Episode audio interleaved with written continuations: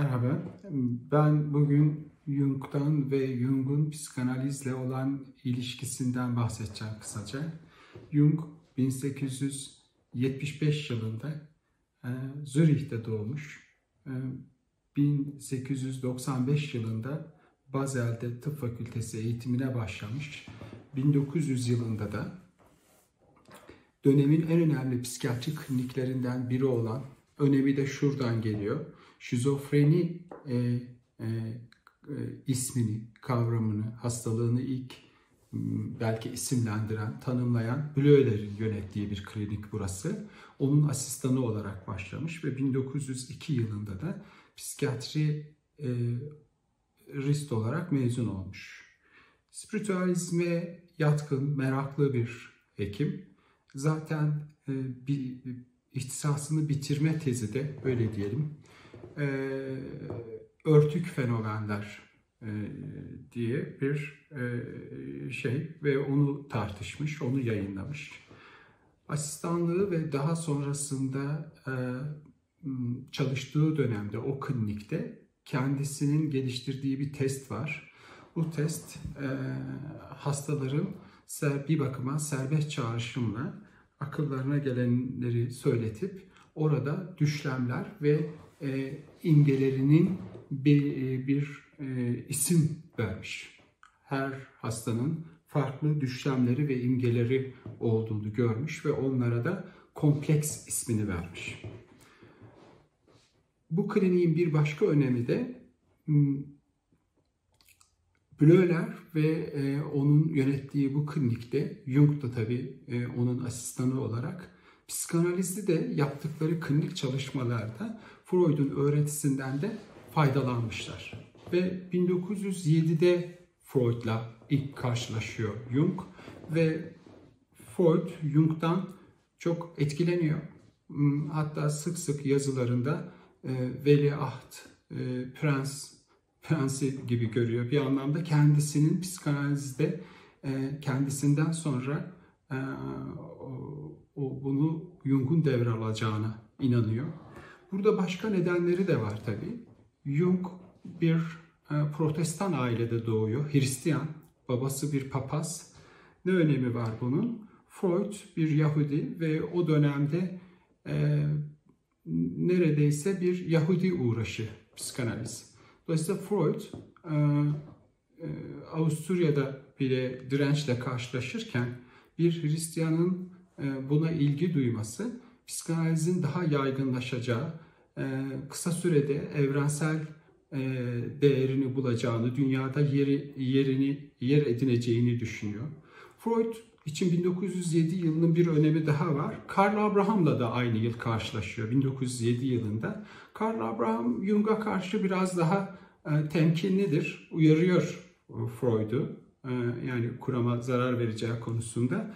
Ama Freud, Manini'ydi sanıyorum bir tarihçinin aktardığına göre. Freud, e, Jung, Abraham'a yazdığı mektuplarda bir e, Yahudinin birlikte, diğer insanlarla birlikte çalışabilmesi için, işbirliği içinde çalışabilmesi için biraz mazoşist olması gerekir. Bazı şeyleri sineye çekmesi gerekir gibi e, Jung'la birlikte çalışmayı savunuyor. E, ve daha sonra 1909 yılında e, Amerika seyahatlerinde Jung ee, kısa ömürlü de olsa kurulan ilk Uluslararası Psikanaliz Birliği'nin de başkanı olarak atanıyor Freud tarafından. O dönem çıkarılan derginin de baş editörü yapılıyor yok. Bu kadar önemli biri. Ee, Freud'la ilgili yanları da var tabii. Freud'un yaşamında hep böyle biri olmuş. Ee, Jung'tan önce de Phyllis e, diye bir kulak burun boğaz uzmanı bir doktor var. Onunla çok yakın bir ilişkisi var.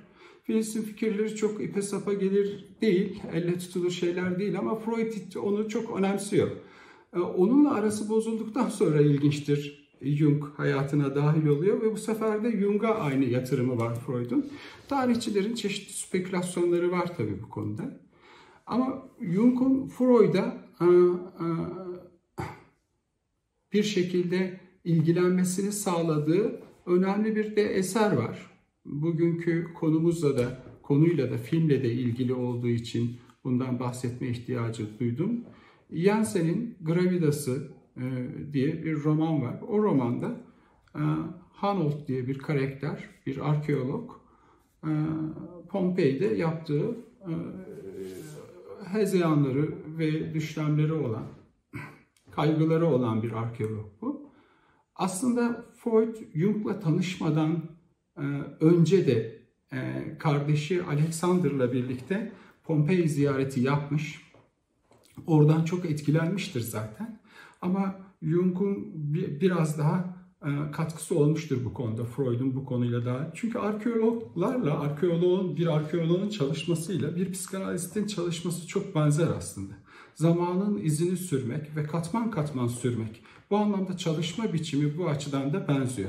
Hatta Freud e, oradan o kadar etkilenmiştir ki o, o romanda geçen bir rölyef vardır. O rölyefi daha sonra Roma'da e, ziyaretinde Vatikan'a gidip e, o rölyefi görmüştür ve onun bir e, e,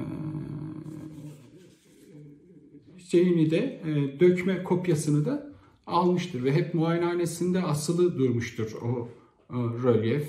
Daha sonra 1938'de Londra'ya taşındığında oraya da götürmüştür Freud. O kadar önemsediği bir eser bu. Ve 1907 yılında da zaten e, e, Jensen'in gravidası ile ilgili e, bir de yazı yazmıştır.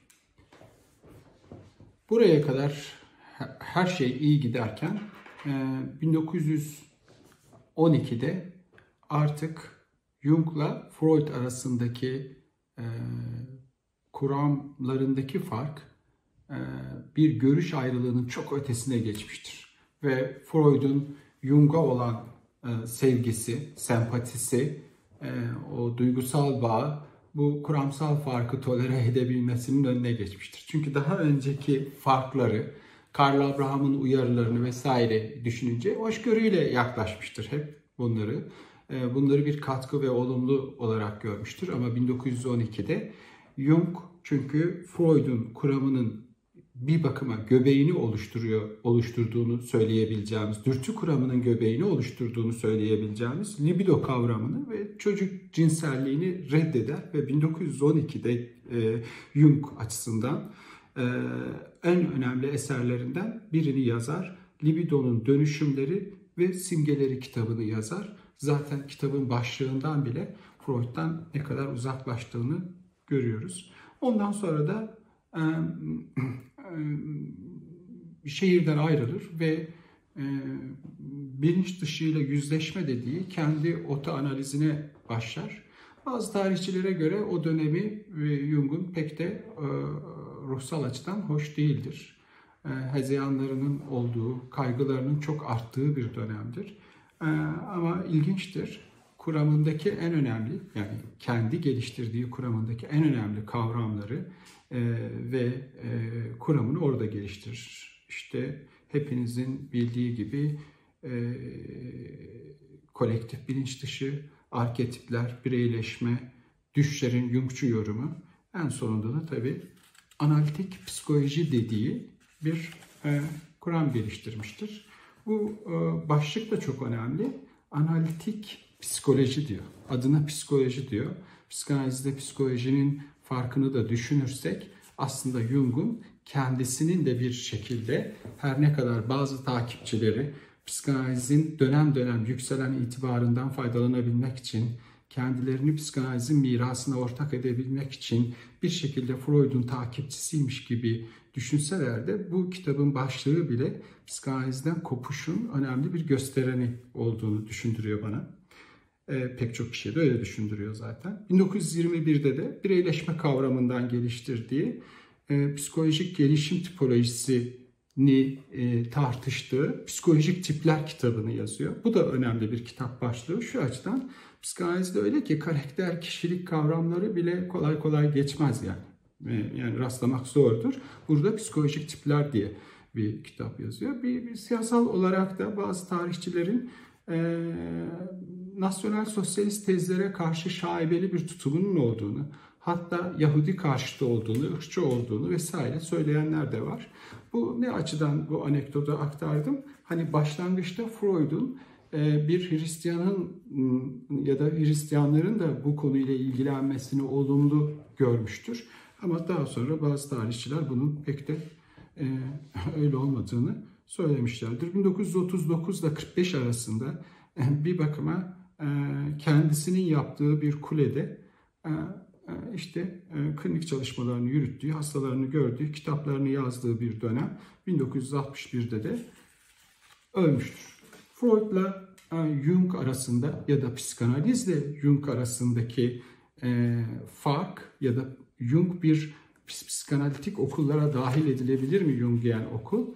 E, bu sanıyorum pek mümkün değil. Bir görüş ayrılığının çok ötesinde farklı bir e, şey. E, e, neden? Kısaca başlık düzeyinde bahsedeyim. Freud'da libido kavramı e, insan doğasının indirgenemez bir dengesizliğini işaretlemek için kullanmıştır.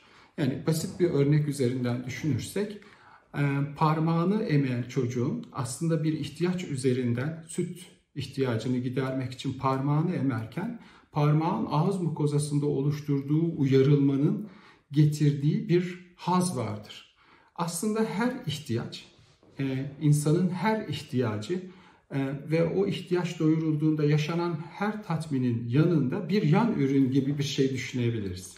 Aslında başlangıçta olmayan bir şeyden bahsediyoruz. İşte libido bir bakıma bir bakıma bu e, e, artı e, arzunun, o artı uyarılmanın arkasındaki enerjiye diyebiliriz. Jung'un buradaki şeyini, farkını söylemeden önce Freud buna cinsel demiştir. Cinseli böyle tarif etmiştir. Yani cinseli doğuştan verili bir şekilde getirilen, insan vücudunda herhangi bir bölgede ikamet eden, işte ne bileyim e, jenital organlar vesaire onlarla ilişkilendirmediği çok daha önemli bir yere koyar. Başta söylediğim gibi insan doğasının indirgenemez dengesizliğiyle ilgili e, ilişkilendirir. Dolayısıyla cinseli seksüelden, jenital olandan ayırmıştır. Ee, daha sonra erişkinlerle çalışmıştır Freud. Erişkinlerde normal cinsellik dediğimiz şeyi e, içinde de aslında sapmaların, sapkınlıkların, e, tanımlayıcı psikiyatrinin e, sapkınlık olarak tarif ettiği işte fetişizmleri vesairelerinde olduğunu görmüştür. Normal dediğimiz şeyin aslında işte o çocuk doğurmak vesaire üremeyle ilgili o jenital organlarla ilgili cinselliğin e, ön planda olduğu, belirgin olduğu zaman normal diyoruz. Aslında eşlik eden e, insanların %70'inde 80'inde o cinselliğin beraberinde işte röntgencilik ve voyeurizm e, vesaire bu çoğaltılabilir bunlar olduğunu görmüştür. Dolayısıyla cinseli öyle bir yere yerleştirmiştik ki cinsel aslında e, başta söylemedim ama burada vurgulayalım. İnsanda içgüdüden değil, dürtüden bahsetmiştir Freud. Dürtüyü içgüdüden şöyle ayırabiliriz. İçgüdü türün bütün üyelerinde e, e, tekrar eden, hepsinde aynı şekilde olan demek. Dürtü ise daha başka bir şey. Yani ötekiyle ilişkilenen bir şey. Lacan daha sonra buna zaten obje petit a diyecektir. Yani bu dürtünün bir nesnesi yoktur. Zaten parçalıdır, zaten kısmidir. Ve bu kısmi parçalı olan e, e, dürtü ötekiyle ilişkilendiğinde başka şeylere yol açmaktadır. Yani insan bedeniyle dışarısı arasındaki e, kültür diyelim ona ya da e, e, kültürle e, beden, biyolojiyle zihin diyelim. Bunlar arasındaki kesişim yeri gibi düşünmeyelim. Kesişim yeri bizatihi bedeni de kültürü de kuruyor gibi düşünebiliriz. Yani bu artı olana e, libido demiştir. Jung ise bir yaşam enerjisinden bahsediyor. Yani cinsel olmadığını söylüyor e, bu enerjinin. Sadece bu e, libido kavramını ile ifade edersek Jung'a göre bu enerjinin sadece bir kısmı belki cinsel olabilir diyor. Bu da Freud'un kuramını tamamen e, yeniden yazmak demek. Değiştiriyor çünkü. Bu neleri değiştirir? Çok şeyi değiştirir. Çünkü burada kastedilen cinsel, seksüel olan değil. Cinsel, insan bedeninin her yerinde ikamet edebilecek olan, yani normal insan cinselliği dediğimiz aslında bir sapma. Freud'a göre. Yani doğal dediğimiz şey diye bir şey yok burada. O sapmayı da açıklayan bir şey. Yani o artık olan yani ihtiyaç var, talep var. Talep karşılandı, ihtiyaç karşılandı. O taleple ihtiyaç arasında bir fark oluyor. İşte arzu diyecek Lacan daha sonra ona. İşte oradaki enerjiden bahsediyoruz. Bu daha sonra kültürün de temeli olacak. Çünkü bu bir tatmin aradığına göre hep kısmi olduğuna göre, hiçbir şeyle doyurulamaz olduğuna göre Lacan bunu şöyle ifade eder. Cinsel diye bir şey yoktur. Yani bu hiçbir zaman doyurulamayacak bir enerjidir. Zaten insanı diğer hayvanlardan ayıran şey de bu değil midir? Sürekli başka şeylere yönelen, bir türlü tatmine ulaşamayan ama aramaktan da o, o boşlukta dolanan o enerjiyi doyurmak için de hareket ettiren bir bakıma öyle söyleyelim bu, bu açıdan baktığımızda bilinç dışı e, e, da e, ötekinin söylemiyle ilgili olduğunu söyleyebiliriz. Bilinç dışı ötekinin söylemidir. Bilinç dışı bir bakıma bilinç dışının gerçekliği cinsel gerçekliktir. E, psikanalizin en önemli e, analizin nesnesi e, nedir? Analizin nesnesi bilinç dışıdır. Bilinç dışını reddettiğinizde buna kolektif bilinç dışı vesaire gibi kavramlarla almaya başladığınızda artık psikanalizden uzaklaşmışsınız demektir. Özetlersem Freud'a göre cinsel e, insan varlığının, e, insanın varlığı tutarsızlığının e, psikanalizdeki adıdır e, bir bakıma. E, libido öyle diyor.